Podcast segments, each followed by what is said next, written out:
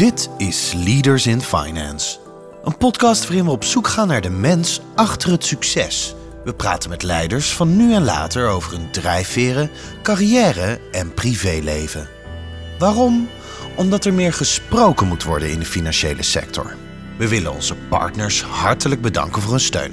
Dat zijn EY, MeDirect, RiskQuest, Kayak en Roland Berger. Onze gast deze extra aflevering heeft veel gemeen met onze Jeroen. Zo heeft hij een uitstekende podcast, is hij veel bezig met duurzame transitie en komt hij uit de financiële sector. Dus eerst bij PwC gezeten, na mijn studie ben ik bij Van Lanschot Kempen terechtgekomen. Later ben ik Ecosofie gestart, om dus lekker met mensen in gesprek te gaan over hoe we die economie nou moeten vormgeven. Samen met een compagnon schreef hij het boek Duurzame Ambitie. Welke hoofdvraag wordt daarin gesteld? Hoe kun je er nou aan bijdragen dat we naar die duurzamere wereld toe gaan waar iedereen een fijn leven heeft? En ik geloof daarin dat de 80.000 uur die een carrière telt, dat daar enorme kansen liggen om uh, dat te verbeteren. En wat is verantwoordelijkheidsverstoppertje eigenlijk? Ik moet daar zelf vaak denken aan zo'n recycle-icoontje. Drie van die streepjes die naar elkaar wijzen. In deze extra aflevering te gast Marnix Kluiters, auteur, duurzaamheidsdenker en host van de podcast Ecosofie. Je host is Jeroen Broekema. Welkom luisteraars bij een nieuwe aflevering van Leaders in Finance. Vandaag een extra aflevering waarin ik spreek met Marnix Kluiters. En zoals luisteraars gewend zijn, spel ik graag de naam. Dat is Marnix, M-A-R-N-I-X. En Kluiters, K-L-U-I-T-E-R-S. En ik spreek vandaag met Marnix Kluiters over zijn net uitgekomen boek Duurzame Ambitie. Met als ondertitel Impact maken met je carrière. Heel erg leuk dat je er bent, uh, Marnix. We kennen elkaar al een aantal jaar. Ik volg jou podcast die jij opgericht hebt, Ecosofie. Uh, ook al jaren met heel veel plezier. Ik volg ook al je andere activiteiten met heel veel plezier. En het mooie is een achtergrond in de financiële sector. Je bent nu veel breder actief op het, uh, op het gebied van uh, duurzame transitie en ambitie. Maar toch die achtergrond in de financiële sector vind ik extra boeiend voor Leaders in Finance. ik ben heel erg benieuwd om veel te gaan leren over jou, deze podcast. Deel daarvan weet ik al en deel zal ongetwijfeld ook nieuw zijn. En om ook te horen ja, wat je, waarom je dit boek geschreven hebt, waarom dit boek er is en wat je ermee wil gaan bereiken. Maar allereerst, Marnix, nogmaals, welkom bij Leaders in Finance. Ja, dank voor de uitnodiging, Jeroen. Leuk om hier een keer te zitten nadat ik ook veel van jouw werk heb geluisterd met name. En volgens mij dat wij voor elkaar voor het eerst spraken voor corona nog, heel andere tijd. met allebei een beetje hetzelfde model. Hè? Interessante mensen interviewen over een vakgebied dat we interessant vinden. Duurzaamheid in mijn geval.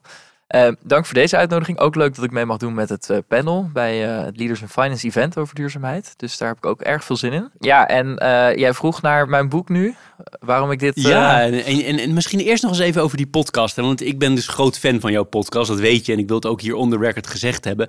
Jij hebt ook iets van, nou wat zijn het? Hoeveel mensen nu? Ja, 120 of 120 zo. Maar er mensen ook, geïnterviewd. Er zitten ook weer allemaal extra episodes tussen. Dus als je alles terug wil luisteren, dan zou ik een paar weken vrij nemen. Ja, dat, dat heb je wel nodig. Maar er zitten hele grote namen bij, hè? van Jan-Peter Balken en de Fijke Siebesma, Frank Elderson, tot aan de minister Rob Jette en wat allemaal nog meer. Ja, Marianne Thieme, Benedict Fiek, uh, Joop Gilles van den Beukel. Dus ik probeer echt mensen die zich bezighouden met uh, duurzaamheid, energie, klimaat, transities, al dat soort dingen bij elkaar te brengen. En uh, ja, eigenlijk een hele grote rijkwijde aan visies bij elkaar te brengen. Ja, want wat is nou precies je doel met die podcast? Ik, ik ken het redelijk goed, maar voor mensen die de podcast Ecosofie nog niet kennen? Nou, wat mij opviel was dat uh, toen ik uh, ging werken, dat ik dat heel erg deed. Uh, ja, toch ook om een carrière te maken en geld te gaan verdienen. ja, je zou kunnen zeggen als je, dat dat een beetje het idee van winstmaximalisatie was. Ik, had, ik studeerde eerst accountancy toen ik heel slechtziend werd, maar dat komt later misschien nog even van bod. ben ik overgestapt tot fiscaal recht en um, zo ben ik een beetje mijn carrière ingerold. En het viel me eigenlijk al snel op, ook toen ik meer ging lezen, dat ja, vaak onze uh, ja, kwaliteit op de arbeidsmarkt helemaal, arbeidsmarkt helemaal niet leiden tot het oplossen van de grote uitdagingen waar we staan in deze 21ste eeuw. Hè, waarin we uiteindelijk met 10 miljard mensen op deze planeet rondlopen. Um, maar misschien ja, uh, zelfs erger maken. Maar in ieder geval, uh, ik denk dat we onze kwaliteiten soms aan betere dingen kunnen besteden.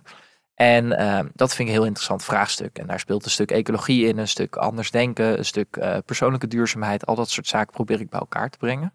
En uh, daarin kwam ik op die term ecosofie. Wat ik zie als een drieluik tussen de vakgebieden, of ja, de vakgebieden, de thema's ecologie, economie en filosofie. Er zitten nog wel meer thema's in, maar ja, goed, dan wordt het wel een hele uitgebreide titel.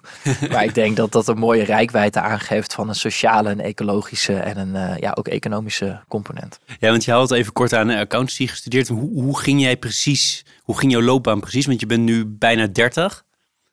Wat, wat, heb je precies gedaan uh, daarvoor? Ik ben in Bunnik opgegroeid. Uh, na de eerste gingen mijn ouders naar Eindhoven verhuizen. Ik was 13 jaar, dus ik ben maar meegegaan. Uh, naar Eindhoven. eerst een beetje chagrijnig dat ik daarheen moest toen we uiteindelijk gingen stappen. En zo is Stratum Zijnd in Brabant ook wel ontzettend leuk. in de derde alle exacte vakken een beetje laten vallen. dus biologie, scheikunde, natuurkunde. En alle economische vakken behouden. Dus dat vond ik interessant. De, de, boekhouding eigenlijk, hoe, hoe dat soort systemen in elkaar zitten. En ik zeg dat omdat ik het nu steeds fascinerender vind dat ons aardse systeem aarde ook gewoon een gesloten systeem is. En eigenlijk gewoon een soort boekhouding is. Waarin uh, ja, gesloten systemen komt wel ietsje bij, maar het is eigenlijk niet noemenswaardig. Maar ja, het zijn gewoon moleculen die met of atomen die met elkaar moleculen vormen. En als je die in de verkeerde volgorde zet, zoals we nu CO2 in de atmosfeer uh, uh, heel erg laten toenemen, dan gaat het mis. En dat systeem vind ik heel erg leuk om te ontdekken. Dus waar ik het destijds allemaal heb laten vallen, ben ik daar nu weer heel erg in aan het verdiepen. En daarin is een podcast een hele mooie tool om met de grootste experts te spreken. Dat vind ik ontzettend leuk. Um, ik ben toen, uh, dus toen ik, af, toen ik mijn middelbare school klaar had, ben ik naar Rotterdam verhuisd. Uh, economie gaan studeren. Eerste jaar ontzettend leuk jaar gehad. Op mezelf gaan wonen. studentenvereniging, et cetera. maar heel weinig studiepunten gehaald. Dus toen ben ik overgestapt naar de vakken die ik het leukst vond. De meest concrete dat was accountancy. Uh, ben ik op de hogeschool in Rotterdam gaan doen. En ehm, dat ging ontzettend goed. Uh, heel, uh, ja, ik maakte grote voortgang. En toen in de zomer van 2014, op mijn twintigste levensjaar, kreeg ik te maken met een oogaandoening. Waardoor ja, eigenlijk alles op zijn kop stond. toen ben ik um, heel snel eigenlijk weer aan de bak gegaan. Uiteindelijk wel te snel ook. Uh, en toen heb ik bedacht om um, accountancy in te ruilen voor fiscaal recht. Want ik functioneer volledig met uh, auditief. Dus uh, mijn computer en telefoon die spreken alles uit. Het scherm staat op zwart. En dat is heel goed te doen met fiscaal recht, omdat wettekst is. Dus dat kun je heel makkelijk laten voorlezen. En accountancy, dan moet je in tabellen links, rechts tegelijkertijd kijken.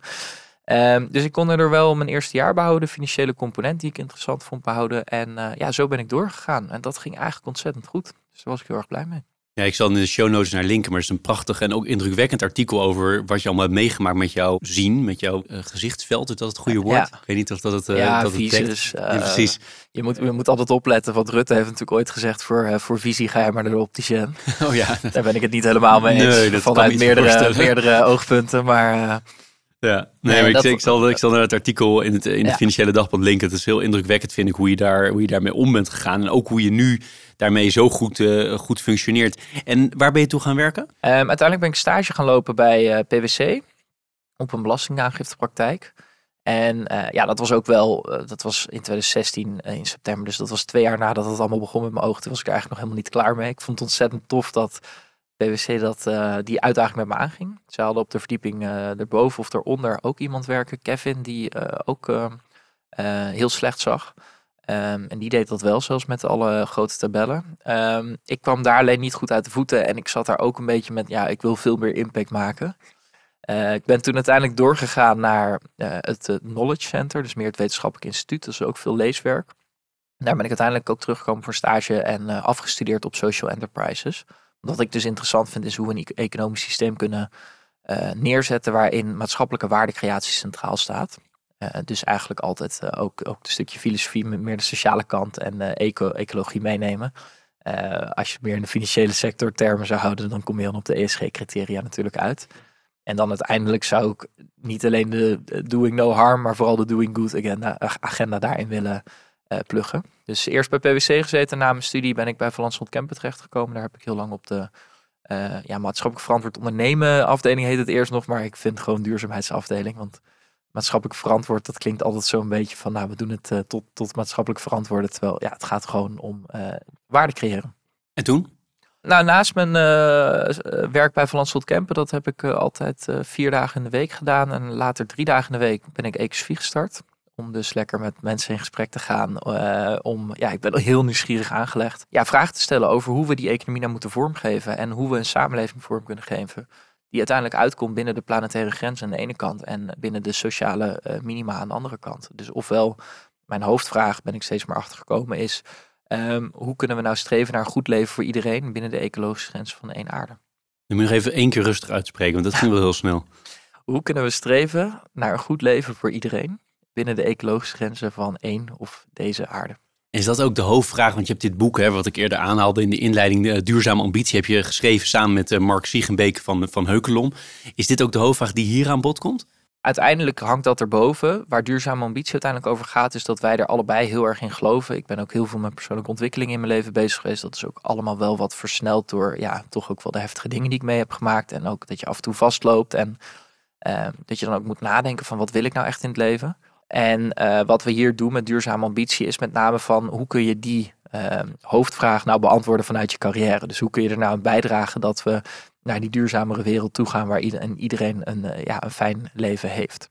En ik geloof daarin dat de 80.000 uur die een carrière telt.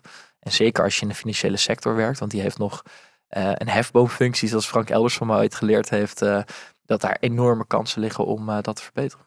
Ja, het woord leverage komt later, komt ook in het boek voor en komt later nog terug bij mijn vragen. Nog even één vraag over jou persoonlijk en dan ga ik echt naar het boek toe. Maar denk je nou dat door jouw hele uh, verhaal, wat er gebeurd is met, jou, met jouw uh, zicht, dat je daardoor nog sneller bent gaan werken aan waar je echt aan wilde werken? Of zou je nu hier ook staan als je nog alles heel goed kon zien? Nou, ik denk het wel, want ik kwam op zo'n belastingaangiftepraktijk terecht. En ja, ook door hoe ik functioneer kwam ik daar niet lekker uit de verf. Uh, en dan word je ineens ook, uh, kom je wel ergens anders terecht. meestal dingen waar ik echt enthousiast van word, weet ik altijd wel iets uh, omheen te vinden. Dat je alsnog goed uit de voeten komt. Um, maar als me dat niet lukt en er komt dan ook nog een beperking bij, ja, dan wordt het lastig. Um, en um, ik denk wel dat je daardoor uh, en uh, met mijn verhaal sneller uh, stok letterlijk tot de, tussen de deur kan zetten. Hè, mijn blinde geleidenstok. Um, ja. Maar ook um, dat je sneller vastloopt in dingen, waardoor je eerder, ja, je, je, kent wel mensen die heel lang ergens zitten en dan een midlife crisis krijgen. Tegenwoordig krijgen alle millennials al een quarter life crisis. Maar bij mij zijn dat soort dingen, dat soort vragen natuurlijk wel eer, veel eerder naar, naar voren gekomen. Dus met alle drama zit er ook nog een paar silver linings in dus?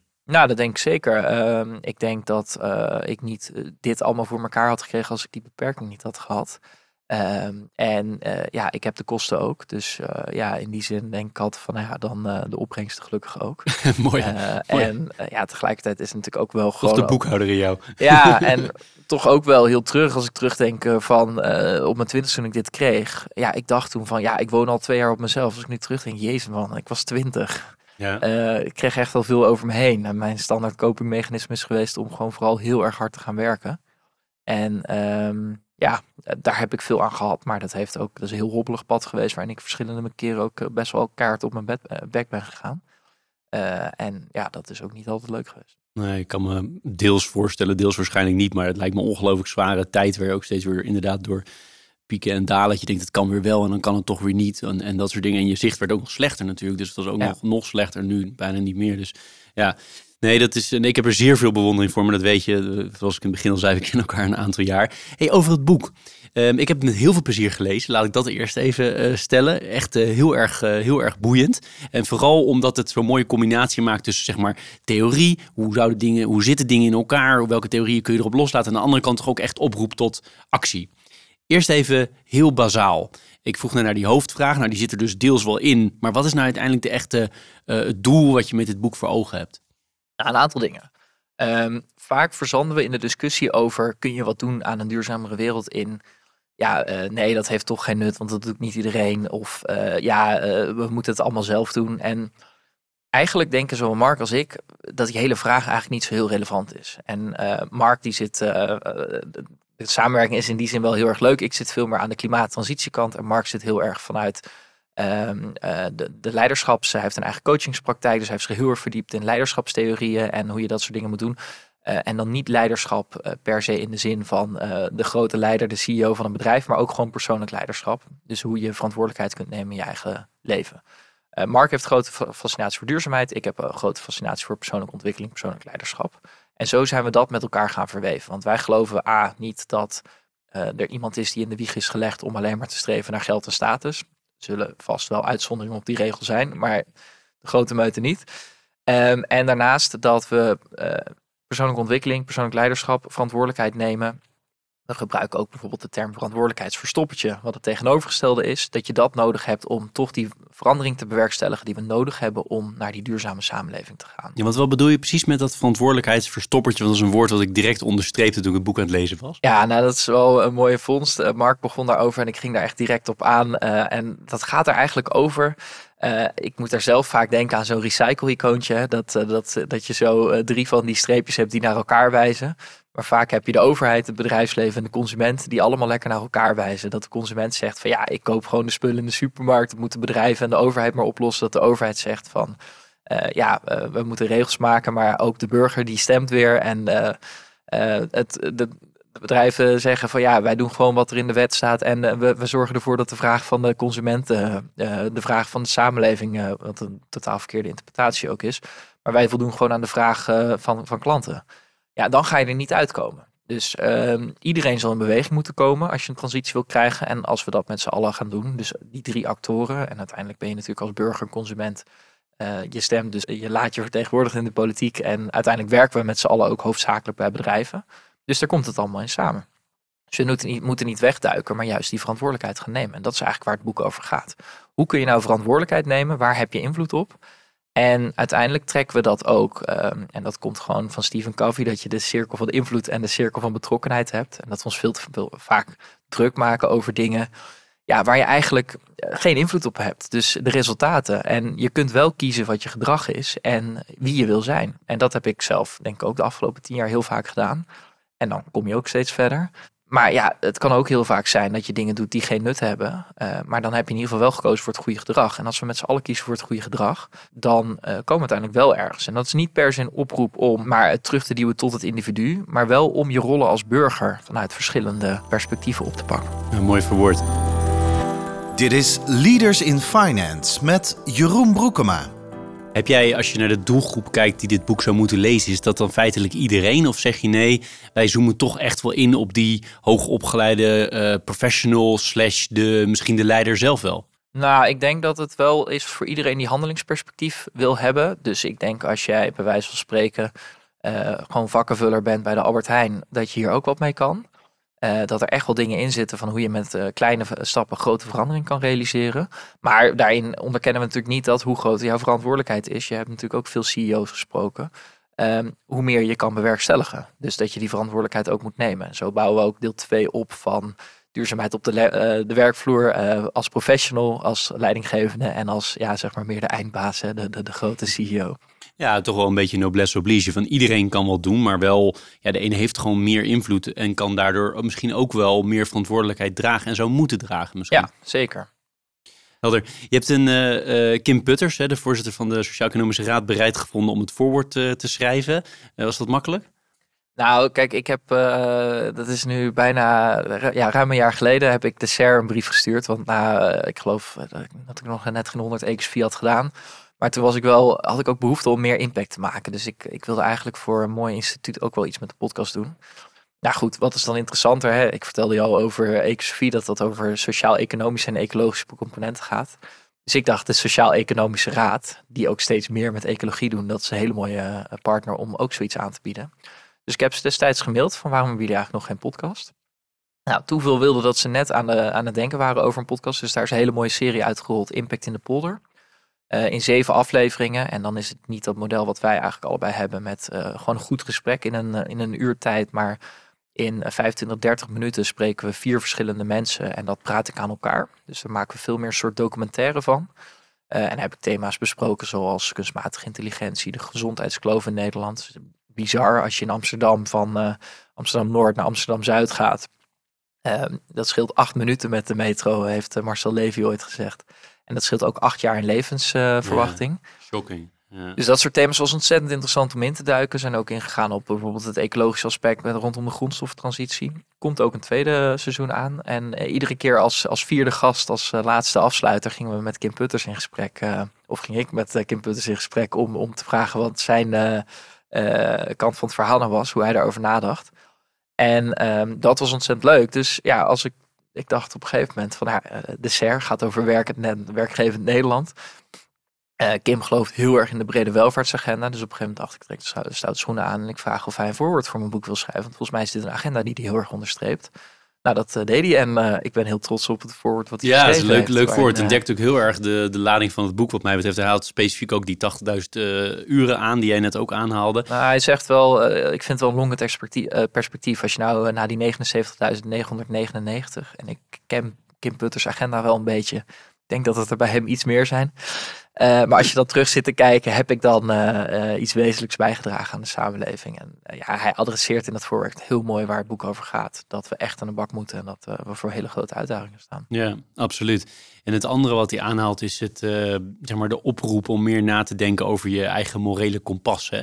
En dat klinkt heel mooi en bij mij klinkt het ook heel logisch. Maar kan je dat eens heel concreet maken? Wat dat betekent voor als je ergens op dit moment in loondienst bent of je bent ondernemer, maakt niet uit. Maar kan je eens wat voorbeelden geven van, of misschien vanuit je eigen ervaring, wat, wat, wat het dan is als je gaat nadenken over je eigen morele kompas?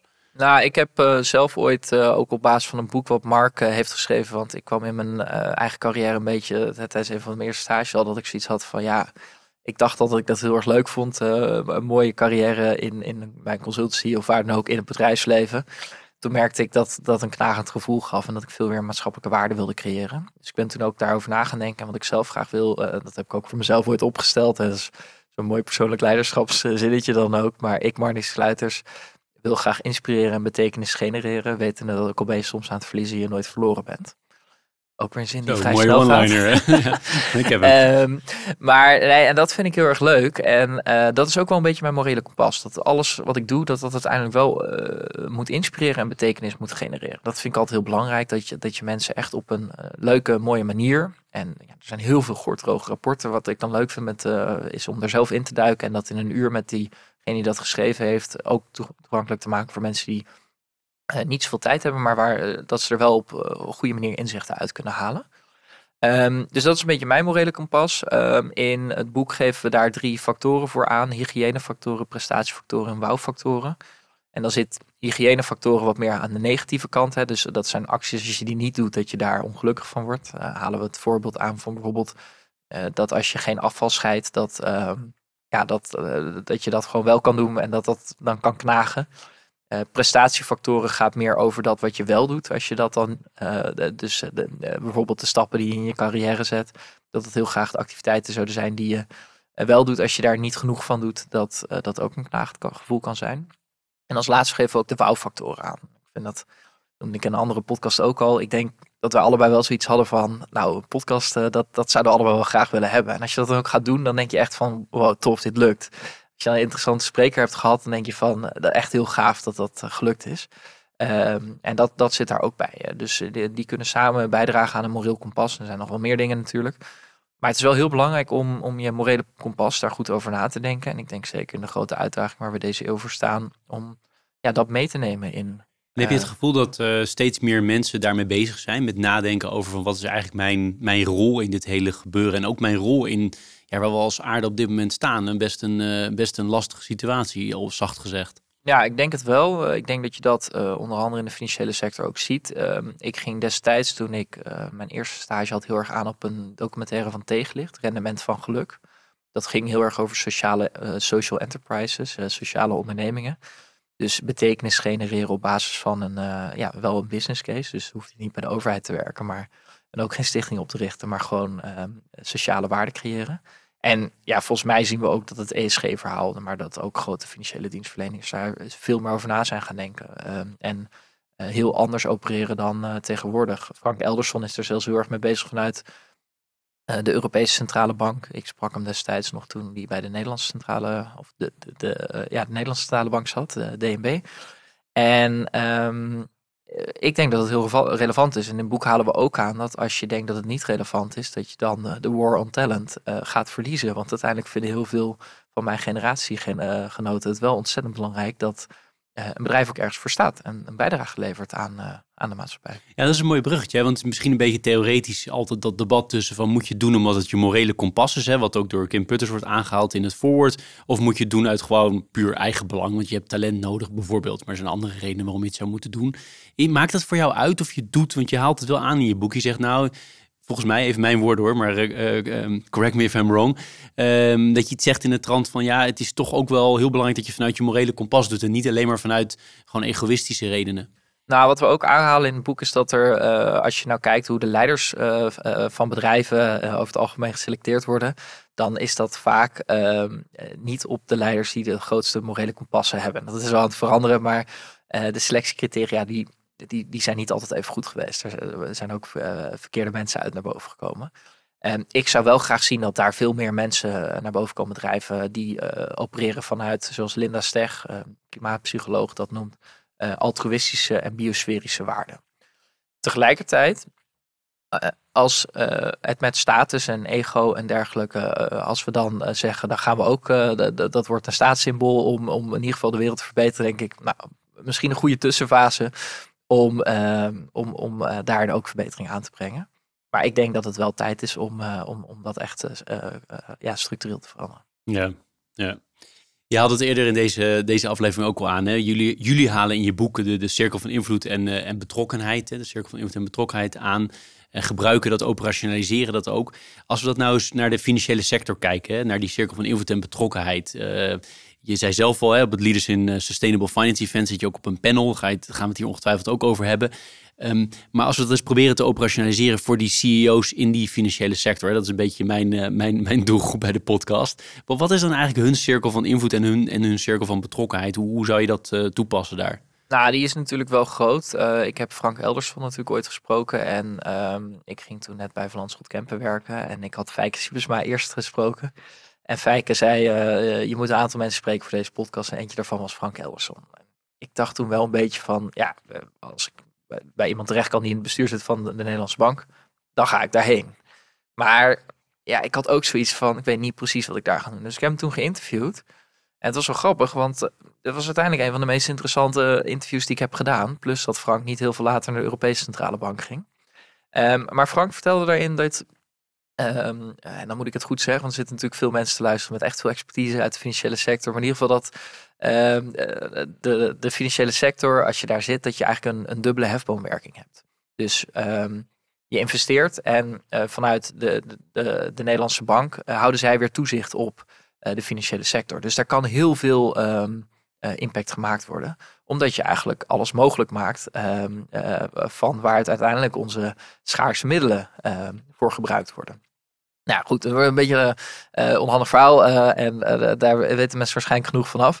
Ehm, maar dat vind ik wel heel interessant, dat, dat je echt kan bijdragen aan het realiseren van nieuwe projecten, kan investeren in dingen die we helemaal niet meer moeten doen en ook echt invloed kan hebben. Dus of je dat nou doet met engagement of dat je zegt we willen echt investeren in echt duurzame projecten. Um, ja, eh, daar mag je je eigen visie in hebben. Maar doe dat wel vanuit de optiek dat je echt doorhebt dat uh, geld ergens voor staat.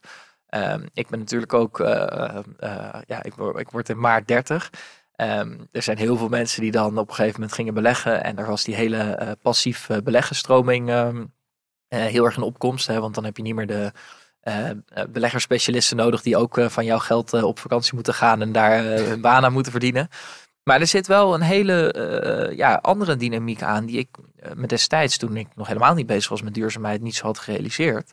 Als je passief belegt, heb je geen invloed. En die invloed kun je dus in de financiële sector wel hebben. En die invloed kan heel erg groot zijn. Ja.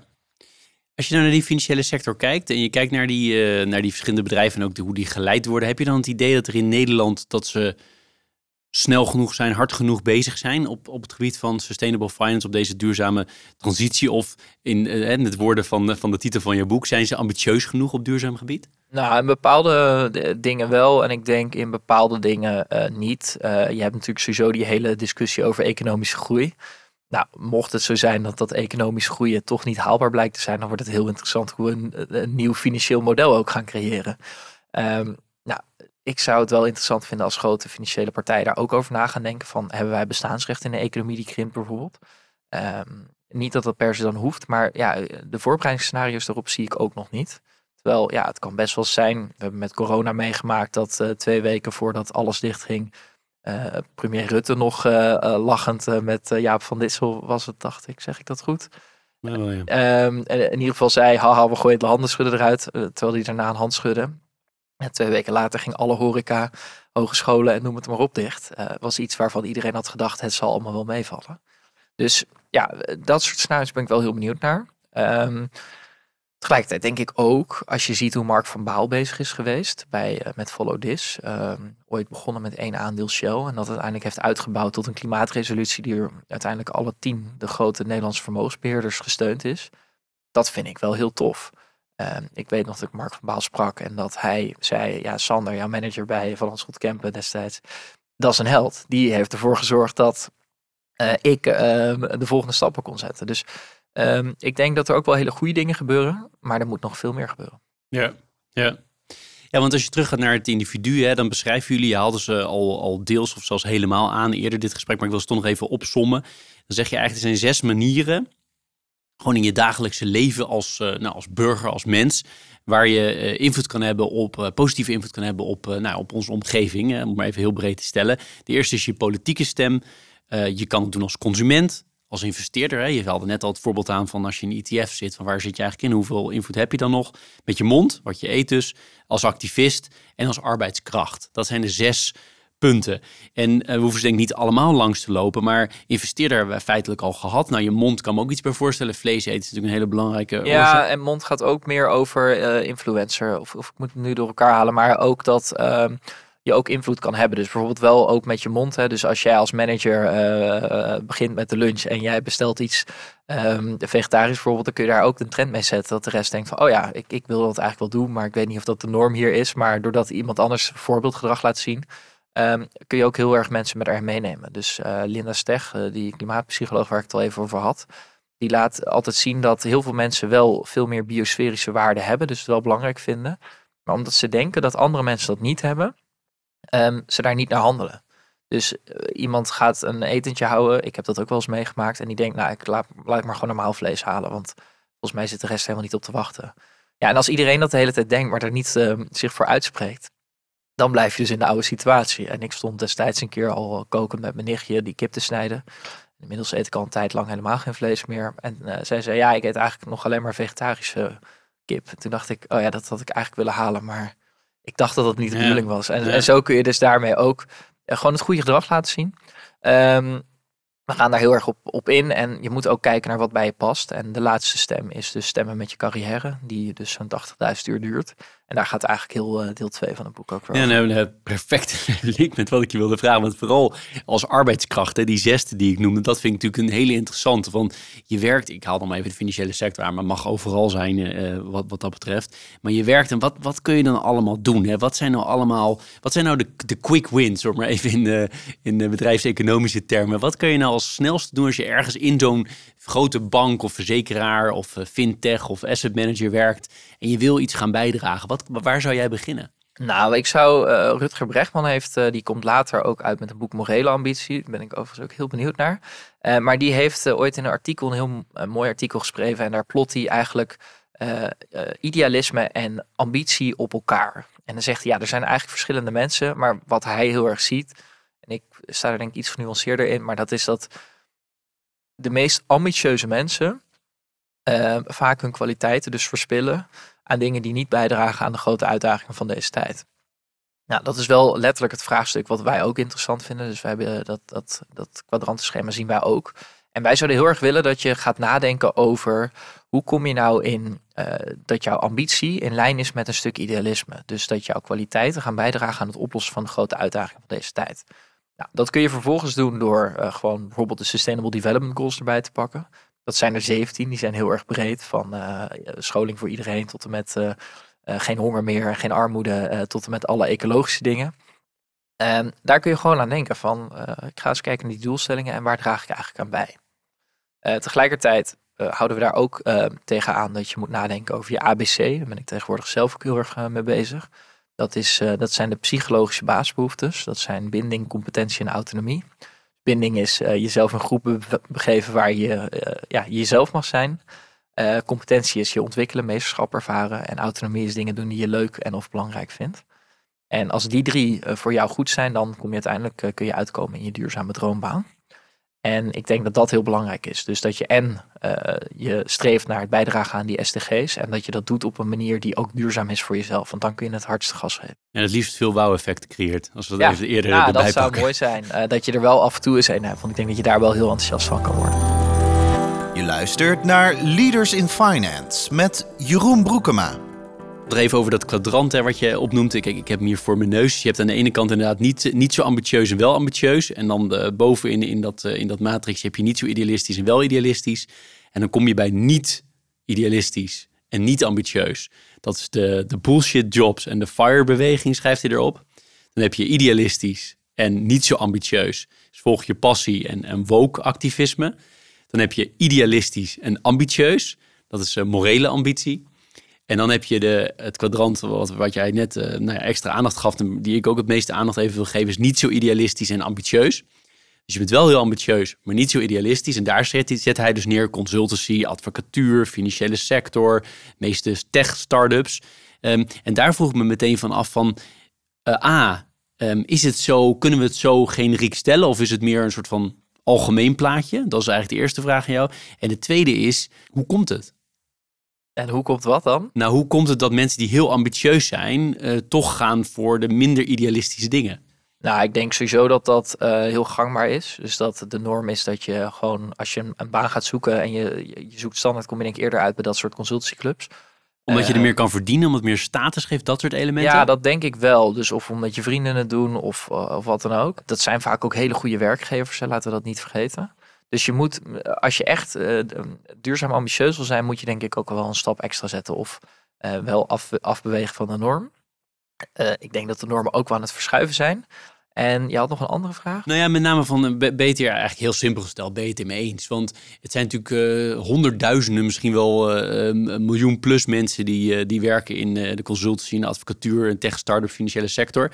Uh, dat zijn dan de vier die hij als voorbeeld aan, uh, aandraagt. kunnen we het zo generiek stellen? Of, of nou, als, je, je... als je vraag is of ik, of ik vind dat al die mensen daar weg moeten, dan is mijn antwoord nee. Um, en ik zou dat een beetje tweeledig willen beantwoorden.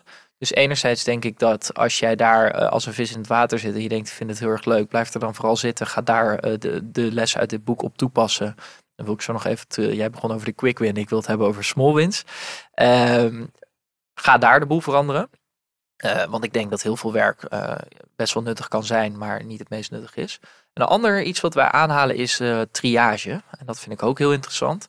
Dus als je het nou hebt over duurzame ambitie, het gaat ook om een stuk effectiviteit.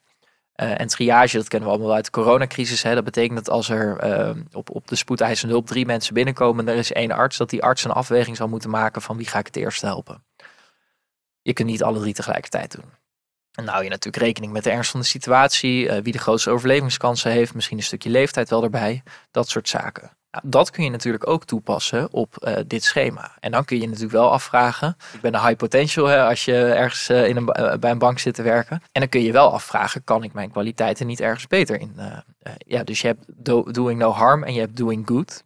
dus je kunt zeggen, ik berokken geen schade meer, daar ga ik voor zorgen. Of je kunt zeggen, ik wil echt do doing good. Dus ik wil echt zorgen dat uh, met mijn activiteiten de wereld echt een stuk beter wordt. En wat ik er interessant vind, want ik vind dat je het heel mooi uitlegt. En tegelijk denk ik ook van ja, maar is het niet juist heel belangrijk dat die mensen wel in dat kwadrant blijven, maar misschien ietsjes idealistisch worden, iets naar rechtsonder uh, opschuiven richting morele ambitie. En wel in die posities blijven, maar daar binnen die posities wat meer proberen te doen. En daarmee zeg, zeg ik eigenlijk ook van dat ik denk dat er heel veel mensen binnen die, die organisaties wel degelijk ermee bezig zijn. Ik noem maar even in de financiële sector. Je kan ook heel hard bezig zijn met groene uh, financieringen bijvoorbeeld. Ja, zeker. En ik vind het voorbeeld van ABP daar bijvoorbeeld uh, altijd heel interessant in. Die op een gegeven moment uit uh, fossiel zijn gestapt.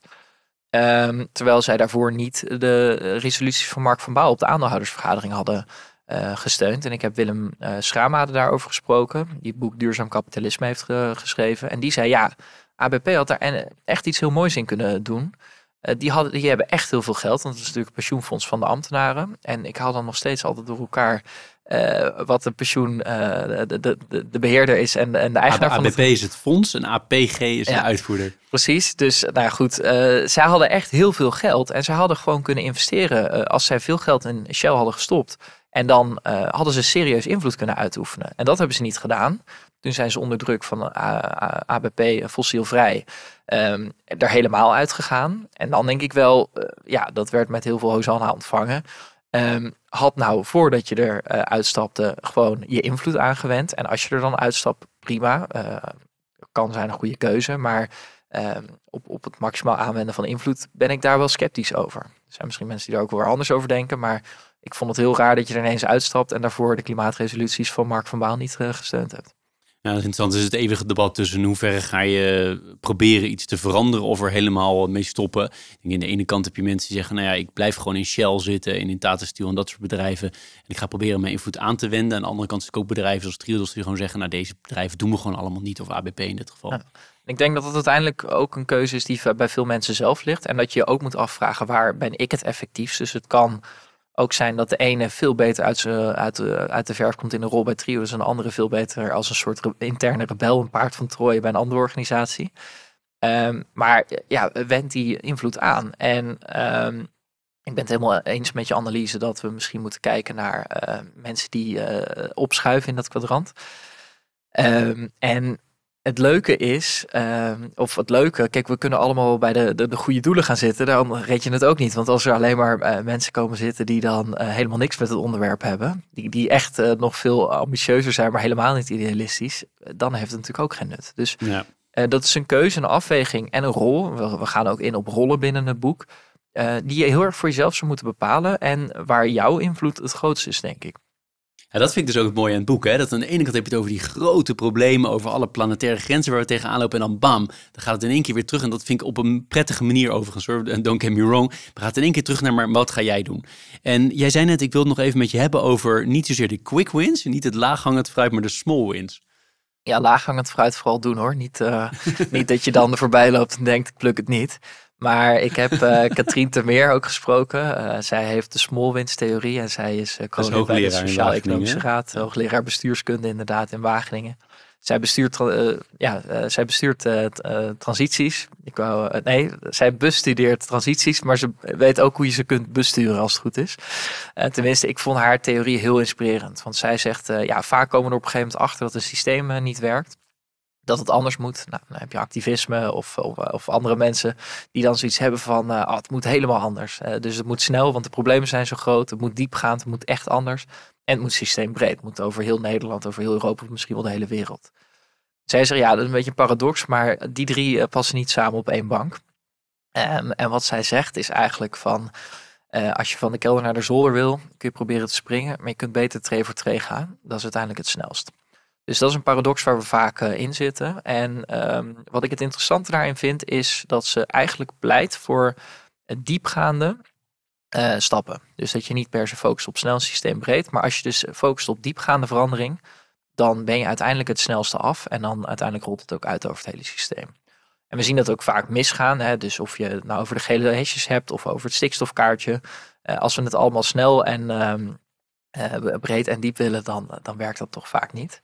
Het was wel interessant, want je eigenlijk zeg je, het zijn incrementele stapjes, kleine stapjes waar het om gaat. En ik kan me dat vanuit individueel perspectief heel erg inleven. En, en aan de andere kant denk ik, we hebben ook een paar hele grote big bangs nodig. En moeten ook een paar dingen gewoon niet meer gaan doen de komende tien jaar. Of, of de komende jaar of twintig jaar, whatever uh, termijn je pakt.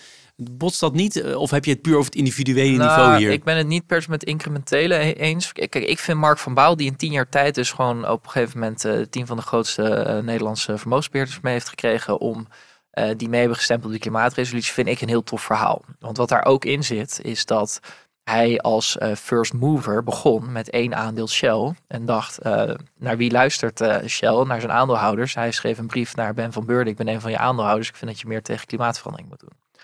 Maar de volgers daarin, die zijn ontzettend belangrijk. Dus um, hij, doordat een, een tweede, de first follower, dat heeft gevolgd, die misschien niet op de voorgrond wil treden, maar wel denkt, dit is een mooi initiatief. En de derde en de vierde ontstaat er een beweging. En die beweging heeft hij uiteindelijk dieper gemaakt. Doordat hij op een gegeven moment dacht, ja, we zijn nu met veel mensen die dit eisen. Maar wanneer luisteren ze echt? Als we iets op de aandeelhoudersvergadering kunnen doen. En zo is hij doorgegaan. En dat zie je bij heel veel mensen. Dus Jaap Korteweg, bijvoorbeeld de vegetarische slager die is ook gewoon begonnen met het idee van ik hou wel van vlees, maar ik hou niet van dode dieren. En zo is die gewoon begonnen met pielen en is die steeds groter geworden. En uiteindelijk natuurlijk overgenomen door Unilever. Uh, Greta Thunberg, hetzelfde verhaal. Die dacht niet, ik start een supergrote beweging. Die dacht, wat kan ik doen? Ik kan protesteren, is voor het parlementsgebouw in Zweden gaan zitten. En uiteindelijk uh, zijn tienduizenden mensen zich gaan volgen. Of haar gaan volgen. En um, dat geeft wel handelingsperspectief, vind ik. Want als we met z'n allen alleen maar dat grote willen, dan slaat dat ook vaak je eigen handelingsperspectief neer. En vaak als je uh, acties onderneemt die ook resultaat opleveren, dan zorgt het er vaak voor dat je ook versnelt. Dus dat geeft ook een fijn gevoel. Um, en als ik vijf jaar geleden had uh, gezegd tegen mijn vrienden, joh, ik ga een podcast starten. Over uh, vijf jaar heb ik 120 mensen gesproken maak ook een podcast bij de SER. Heb ik Jan-Peter Balken en de Fijke Siebesma, Marjan Minnesma. Werd je zelfs uitgenodigd bij Leaders in Finance? Ja, nou dan geloofden mensen dat ook niet. Uh, en ik ben dat gewoon gaan doen. En uh, uiteindelijk professionaliseer je, een keer een tune erbij, uh, mooie website en dat soort dingen. Um, en dat geeft handelingsperspectief. Dus ik denk uiteindelijk wel dat jouw analyse, dat is ook mijn analyse, moet heel veel gebeuren. Maar dat kan dadelijk gebeuren doordat er al mensen bezig zijn die nog niet heel erg in het zicht zijn. Uh, allang met, uh, met ja, eigenlijk de economie van de toekomst bezig zijn. Ja, en dat, dat, dat vind ik heel mooi dat je het zegt. En wat ik daaraan zou willen toevoegen, je zegt het eigenlijk al, maar in mijn eigen woorden, is dat het ook oproept om niet niks te doen. Je, kom, je komt er dus eigenlijk niet mee weg tussen aanleidingstekens om niks te doen. Want dat is natuurlijk vaak zo. En dan kom je weer terug bij die, bij die cirkel van invloed en, en betekenis. Maar het is vaak, het is zo groot, ja, dan doe ik maar niks. En dat vind ik wel mooi in jouw boek. Het roept heel erg op tot, wel tot actie ook van het individu. En dan naar die small wins. Heb je nog voorbeelden daarvan? Want je haalt in het boek eentje aan, die vond ik wel Misschien dat jouw collega Mark die beschreven het, weet ik niet. Maar uh, over iemand die op een technische afdeling werkt en ja. van, van Google af wil, omdat het milieu uh, vervuilender is dan een, een Ecosia heet, geloof ik, de andere zoekmachine. Heb je voorbeelden van dat soort uh, dingen? Nou ja, Mark van Baal, Jaap Korteweg en uh, Greta Thunberg haalde ja. ik natuurlijk al aan uh, in het boek beschrijven, inderdaad. Uh, en en die drie vind ik wel heel mooi, omdat ze echt ook een systeem veranderen. maar ook deze man, die wilde inderdaad googlen. maar ja, ik gebruik nu het woord Google, omdat dat zo vanzelfsprekend is. Maar hij wilde Ecosia gebruiken, een andere zoekmachine. En hij dacht, waarom krijg ik dat niet ingesteld als mijn standaard zoekmachine? En toen is hij naar IT gaan bellen en toen dacht ik, ja, ik kan het over mezelf doen. Ik kan het ook zorgen voor het hele bedrijf. Ik geloof dat er iets van 30.000 mensen werkt of zo. Nou, dat heeft hem heel veel moeite gekost. Uh, hij heeft in allerlei sessies gezeten, uh, hele vergaderingen eroverheen gegaan. Maar uiteindelijk heeft hij voor elkaar gekregen dat het veranderd is. En dan heb je echt impact. Want als het zoveel moeite kost om het te veranderen, dan gaat ook niet zomaar iemand het meer terug veranderen. En dan heb je dus wel voor 30.000 mensen uh, geregeld dat die allemaal ineens voor een veel duurzamere zoekmachine googelen. Uh, ik zeg weer googelen. Maar Ecosia, dat is denk ik niet echt een woord. uh, maar ik vond het wel een heel mooi uh, initiatief. En ja, we gaan de wereld natuurlijk niet redden als iedereen op Ecosia zit. Maar ja, als jij standaard een duurzame zoekmachine in jouw gezichtsveld krijgt, dan zet dat natuurlijk wel aan het denken. En dat laat ook zien, als je dit verhaal er rond gaat, van oh, als je bij dit bedrijf echt iets voor elkaar wil krijgen, dan kan dat dus gewoon. Dat is wel weer een mooi voorbeeld inderdaad, van waarvan ik in eerste instantie dan denk, oh ja, het is één bedrijf, maar als mensen dat gaan volgen en zien dat het ook kan, dan levert het inderdaad dat effect op wat je net beschreef, ook met, met die, die grote namen. Um, dan wil ik nog even met je hebben, um, nog, een paar, nog een paar dingen waar ik niet omheen kan en de rest moeten mensen gewoon het boek zelf gaan lezen. Maar ik ben heel erg benieuwd naar tijd, want um, jij bent heel erg bezig ook met, met tijd, hoe ga ik om met mijn tijd? En nu weet ik, omdat ik veel CEO's in de financiële sector spreek, maar dat zal waar dan ook in elke sector zo zijn, dat je natuurlijk altijd tijd tekort hebt. Waar je ook zit in die organisatie, maar misschien wel het meest in de top van die organisatie als, als CEO. Nu weet ik ook dat heel veel van deze mannen en vrouwen echt wel meer willen doen. Die motivatie is er wel, intrinsiek denk ik ook wel aanwezig, maar vaak toch ook gehinderd worden door ja, de, de waan van de dag. Het feit dat er zoveel meetings zijn, zoveel mensen met je willen, willen spreken en dat er ook nog heel veel andere hele belangrijke dingen zijn. Dus wat zou je hen willen meegeven aan deze CEO's? Als het gaat om ja, die small wins en hoe je dat aanpakt. Moet je dat zelf doen? Moet je dat in de organisatie beleggen?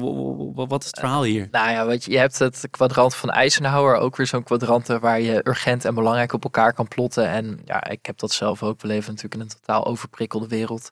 Um, dat je toch heel vaak uh, komt te zitten in de urgente, maar niet super belangrijke dingen. En ik denk als je wil nadenken over dit soort thema's, dat dat zit in de thema's die belangrijk zijn, maar niet super urgent vaak. Totdat ze vaak wel urgent worden, zijn we met z'n allen te laat. Dan hebben we er geen rekening mee gehouden. Dat zie je nu met CSRD ook, waar heel veel bedrijven nog niet op voorbereid zijn. Um, wat ik heel belangrijk vind en waar ik ook steeds meer gefascineerd ben. En ja, laat ik vooropstellen dat ik niet de beste uitvoerder ben, maar is onder andere het werk van Kel Newport. Die een boek heeft geschreven over deep work en digital minimalism. En ik geloof ja, ook A World Without Email. En binnenkort komt hij met slow productivity. Daar ben ik heel erg door gefascineerd. Dus ik heb van de zomer ook heel erg nagedacht over wat wil ik zelf kwam ik uiteindelijk dat ik, uh, ja, ik heb ooit als een soort zolderkamerproject uh, gestart. Dat is steeds professioneler geworden. Maar ik merkte dat ik graag meer diepgang wilde. En dat ik de boel wilde professionaliseren. Dus daar ben ik dit jaar mee bezig. En ik wilde wat meer autoriteitschap. Dus mijn boek komt uit. En ik wil ook. Ik heb best wel wat inzichten opgedaan uit de podcast. Die wil ik ook meer naar buiten brengen. En ook ervoor zorgen dat mensen er echt wat mee gaan doen. Dus niet meer alleen vragen stellen, maar ook antwoorden geven. Um, en een van de dingen die ik toen ben gaan doen. En ja, in november en december schieten er dan toch weer bij in. Maar dat is ook gewoon één dag in de week. Um, avond van tevoren zorgen dat je uh, rond een uur of tien of zo alle uh, internet uitzet. En um, tot, tot de dag erna tot half vijf uh, in de middag. Dan heb je nog een half uurtje om even bij te werken als er echt iets belangrijks is. Maar gewoon een dag offline. En vaak kom ik er dan toe. Uh, ik zou eigenlijk mijn mail dan ook moeten uitzetten, maar dat ik die mails, want je gaat je gewoon helemaal vervelen om tien uur. Um, dat je alle dingen waar je normaal helemaal niet toe komt, dat je daarover na gaat denken en dat je eens gaat zitten aan de echt belangrijkere dingen. Dat het veel makkelijker wordt om eens gewoon een rapport te gaan lezen, omdat ja, je niet meer kan vluchten in alle makkelijke dingetjes zoals LinkedIn of, of lekker in de mail blijven hangen, wat voor mij nog heel gevaarlijk is. Um, dus ik zou dat nog veel meer willen doen. Ik probeer het ook wel eens gewoon een week op vakantie. En eh, ja, dan komen toch ook vaak de grote inzichten. Jan Robmans heeft het vaak over Kairos tijd, waar Joke Hermsen dan weer mee bezig is geweest. En ook door alles wat ik heb meegemaakt in mijn leven heb ik daar ook uh, veel mee gehad. En Chronos tijd is eigenlijk gewoon de reguliere tijd, hoe de klok tikt. En Kairos tijd zijn vaak die momenten uh, dat je ineens uh, tot een heel diep inzicht komt of zo. En... Dus uit dat terug te brengen naar wat ik zeg maar als vraag had, is voor die CEO, misschien is het dan niet een hele, hele dag van tien uur s'avonds tot half vijf, maar al is het maar één of twee uur, maar pak die momenten even helemaal los van alles en ga er dan over nadenken. Dan kom je misschien tot betere inzichten, maar hoe ga je het uiteindelijk dan uitvoeren? Moet je, moet je dat in elke meeting, ik weet bijvoorbeeld een, eh, een van de CEO's die besprak het. Hij zei, nou ik ga gewoon in elke meeting waar ik zit, stel ik minimaal altijd één vraag over waar wij hier kunnen bijdragen aan, de, aan, aan duurzaamheid. Ik, als een voorbeeld. Is dat de methode of zeg je nee, je moet het veel lager in de organisatie, je moet projectteams starten. Er zijn natuurlijk heel veel wegen die naar, Rome leiden. Maar wat zou jij voor, voor concreet advies hebben voor die CEO's die toch ja, door, vooral door Chronos tijd geleefd worden, niet door Kairos tijd? Nou, maak sowieso ook voor je werknemers uh, het mogelijk om die Kairos tijd te nemen. Geef ruimte om te wandelen. Beweging is goed in de natuur. Dan komen vaak nog veel meer eh, ruimte voor goede gesprekken met elkaar. Eh, geef echt het gevoel aan mensen dat ze dat mogen doen, ook in tijd van de baas, zeg maar. Um, ik weet niet of die vraag die jij stelt, vind ik goed. Ik zou misschien een lege stoel voor de ongeboren in zo'n zaal willen zetten en af en toe daar naartoe willen kijken van en dan willen zeggen, joh, kan iemand eens even daarop gaan zitten en gaan praten voor iemand die nu nog niet geboren is, um, om ook zijn belangen of zijn of haar belangen te verdedigen. Dat vind ik een hele mooie methode. Um, maar uiteindelijk denk ik wel dat iedereen daar bij kan dragen. En dat geeft ook gewoon aan dat je open bent en dat, als, dat je ervoor open staat dat als er feedback binnenkomt, dat er echt wat mee gedaan wordt. Dus dat mensen zich uh, ja, uitgenodigd voelen om echt de organisatie, denk ik, uh, te veranderen in positieve zin. Mooi, mooi hoe je dat uh, verwoordt. Tot slot, wat ik al zei, de rest gaan mensen gewoon lezen in het boek. Ehm, maar ik vind het nog even interessant om met je te hebben over wat ik hier in het boek staat, Appendix B. Er zit een appendix bij het boek. En die heet Checklist Duurzame Acties en Gedragingen. Heel concreet, van wat je allerlei vragen. Eh, toon je lef en ben je, heb je je goed voorbereid? Uh, duurzaam aanjagen als professional. Uh, nou ja, allerlei, allerlei punten. Ik zit er nu doorheen te, te scrollen. Heb je een inclusieve houding? nou, er zit van alles in. Um, wat, wat, wat, wat zou je hiermee moeten? Moet nou dit, bij iedereen, moet iedereen dit gaan toepassen? Ja, het is eigenlijk gewoon een concreet. Als je het hele boek gelezen hebt, dan kun je daar een concreet achterhalen of je ook met alles wat gedaan hebt. Want vaak is het natuurlijk zo: het leest lekker, dan lees je dat s'avonds. Misschien ook niet het meest wakkere moment. Maar als je dan s ochtends nog eens terugkijkt, dan is het wel handig om dat erbij te pakken. En dan is voor jezelf na te gaan. En misschien moet je dat ook gewoon in een, een tijdsbestek van een paar maanden of een jaar doen. Van, nou, we staan nu ongeveer hier, ik wil daar naartoe en uh, daar kan ik ook komen. Dus daarmee proberen we het concreet te maken. En ja, dat is, eh, ik vond het wel mooi dat je dat net zei. Iedere keer word je toch weer teruggezogen naar wat kan ik doen? Hè? Want dat is wel heel erg waar het boek over gaat.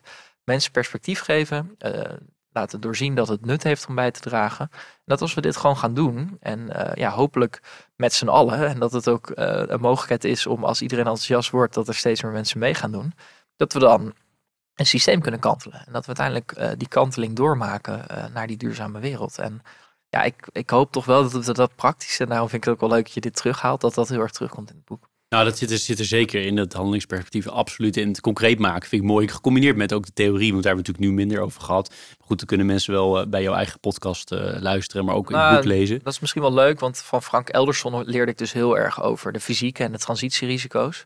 Um, en um, die transitierisico's, ja, we zitten heel veel transitiekunde ook in dit boek. En ja, vaak werkt het toch zo dat transities op een gegeven moment uh, heel snel gaan. Ja, en dat zit wel allemaal in het boek verwerkt ook. Um, hoe, hoe groot dat kan zijn. En ja, dat je, je had het net over, uh, over erbij staan en ernaar kijken. dat het dan allemaal kan veranderen. En dat is wel waar je op voorbereid moet zijn. Zeker ook in de financiële sector, denk ik. Want als je niet goed voorbereid bent, dan kan het wel zijn dat je ineens last hebt van stranded assets. Ja. Laatste twee vragen van mijn kant. Eén is, ga je voorbeelden verzamelen van mensen die dit boek lezen? duizenden mensen die het boek gaan lezen. Uh, en die denken van, nou, naar aanleiding van het boek ben ik X of Y gaan doen. Kan hele kleine dingen zijn, kunnen ook hele grote dingen zijn. Uh, het kunnen de, de quick wins zijn, de small wins uh, of de big wins. maar ga je die dingen verzamelen? Want het lijkt me wel boeiend. Stel nou dat ik dit, ik heb zelf een aantal dingen, hoef nu niet over te hebben, maar ik denk, oh ja, dat zou ik ook nog kunnen doen. Komt er een plek waar je al die positieve verhalen gaat verzamelen? Nou, daar heb ik nog niet zo over nagedacht, maar dat vind ik wel een hele leuke. Want dat zou natuurlijk ook weer vanuit mijn kant een small win zijn om dit soort verhalen bij elkaar te brengen. Die, dat voorbeeld uit het uh, boek is natuurlijk heel aansprekend. Ik hoop ook echt dat dat mensen aan het denken zet. Maar als je die hebt, uh, stuur het vooral naar info.ecosofie.net. Want dan ga ik daar gewoon een pagina voor inrichten op de website. En als dat groter wordt, dan maak ik er misschien wel ooit een boekje van. Om echt aan te geven hoeveel er kan uh, veranderen. Want ja, van die voorbeelden, dat laat altijd heel mooi zien ja, dat het gewoon mogelijk is. Ja, en weet je, en dat laat, leidt ook heel mooi tot mijn laatste vraag. Namelijk, Volgens mij ben jij wel een positief mens. Hè? Want even, om even heel negatief scenario te schetsen. Het is natuurlijk dramatisch waar we staan. Als je naar die planetaire grenzen kijkt. Nou, bijna alles zijn we aan het overshooten. Uh, nou, het is nog maar de vraag of we überhaupt onze 2030 doelen halen op klimaatgebied. Biodiversiteit rolt achteruit. Nou, ik wil niet op een negatieve noot eindigen. Maar goed, jij weet er uh, nog vele malen meer van dan ik. Maar het is vrij dramatisch tot zeer dramatisch waar de wereld staat. En toch ben je heel optimistisch volgens mij. Dus dat is even nog even een subvraag van volgens mij ben je optimistisch, klopt dat? En denk je ook dat het helpt om heel optimistisch te zijn om toch veranderingen in gang te zetten? Nou, als optimist heb je volgens mij sowieso een leuker leven. Je bent het, hè? Ja, zeker. Ik ben groot Feyenoord-fan en uh, ik heb heel de winterstop zelfs nog gedacht dat we uh, kampioen gingen worden. Uh, ook niet helemaal serieus, maar ik dacht wel dat er echt nog een kans was tot we gelijk na de winterstop gelijk alweer punten verspeelden. Maar goed, dan gaan we voor de Europa League. Dat, dat is ook wel wat je nodig hebt met zo weinig succes. Maar ik denk dat wel in alles. En ik heb dat met mijn beperking natuurlijk ook gezien dat er echt nog heel veel mogelijk was. Um, maar goed, ja, ik denk wel dat het is op die manier zoals uh, ik ook in mijn studententijd of op mijn middelbare school vaak uh, de vakken gehaald heb. Uh, acht weken niks doen en de laatste avond zien hoeveel er nog was. de ochtend voor het tentamen ook nog een beetje doen en dan met een vijf en een half over de finish.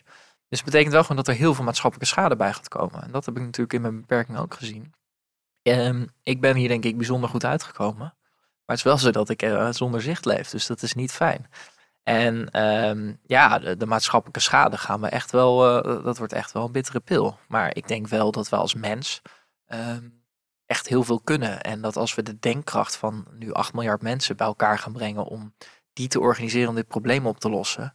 Ja, eh, dan moeten we het wel gewoon kunnen oplossen. En uh, het leven kan echt heel erg fijn zijn binnen planetaire grenzen voor iedereen. Dus daar geloof ik gewoon heel erg in. Wauw, wat een einde dat je het ook nog helemaal terugbrengt naar je eigen, eigen situatie. En hoe dat eigenlijk heel, heel erg vergelijkbaar kan zijn op, op macro-schaal. Ja. Schitterend, Marnix. Ongelooflijk leuk. Ik, maar ik, uh, er moet wel echt heel erg veel gebeuren. Dus dat wil ik wel iedereen op het hart drukken. Nee, nou, dat heb je heel duidelijk gemaakt. En uh, daar zijn we, het, zijn we het heel erg over eens. Uh, heel veel dank voor dit leuke gesprek. Um, ook heel leuk dat jij naar het Leaders in Sustainable Finance event komt op 1 februari. Daar komt, komt spreken. Ik heb jou, zoals ik gezegd, en ik ga het toch nog een keer halen, jouw boek met heel veel plezier gelezen. En ik luister met heel veel plezier naar, ik denk ongeveer 50% van al je afleveringen. Volgens niet allemaal, want ik moet ook vaak nog andere luisteren. Maar ik zou ze zeker allemaal willen luisteren. Uh, ontzettend interessant. En jij zei ergens in het gesprek van, ik wil uh, inspireren en betekenis geven. Nou, als je iets gedaan hebt in deze podcast, is het inspireren mij en hopelijk ook luisteraars. En, en betekenis geven aan, aan wat je doet. Uh, heb je 100% gedaan. Heel veel dank. Uh, ik ga je zo na de aflevering een klein uh, cadeautje geven voor je alle tijd die je in Leaders in Finance hebt gestoken. en nogmaals voor nu heel veel dank. Ja, zeker leuk. Dankjewel Jeroen ook om deze uitnodiging te doen. Heel erg leuk. En ook heel erg veel zin in het evenement. Mochten mensen me willen spreken, schiet me vooral gewoon even aan. Ik kan jou natuurlijk niet zien als deelnemer, maar ik vind het heel erg leuk om met iedereen in gesprek te gaan. Dus dank voor de uitnodiging. Dit was Leaders in Finance. We hopen dat je deze aflevering met veel plezier hebt beluisterd. We stellen je feedback erg op prijs. Wat houdt je bezig en over wie wil je meer horen? Laat het weten via een Apple of Google review. Dat kan ook via de sociale mediakanalen of direct via een e-mail. We kunnen het enorm waarderen als je dat doet. Tot slot danken we onze partners voor hun steun. Dat zijn EY, MeDirect, RiskQuest, Kayak en Roland Berger. Tot de volgende Leaders in Finance en bedankt voor het luisteren.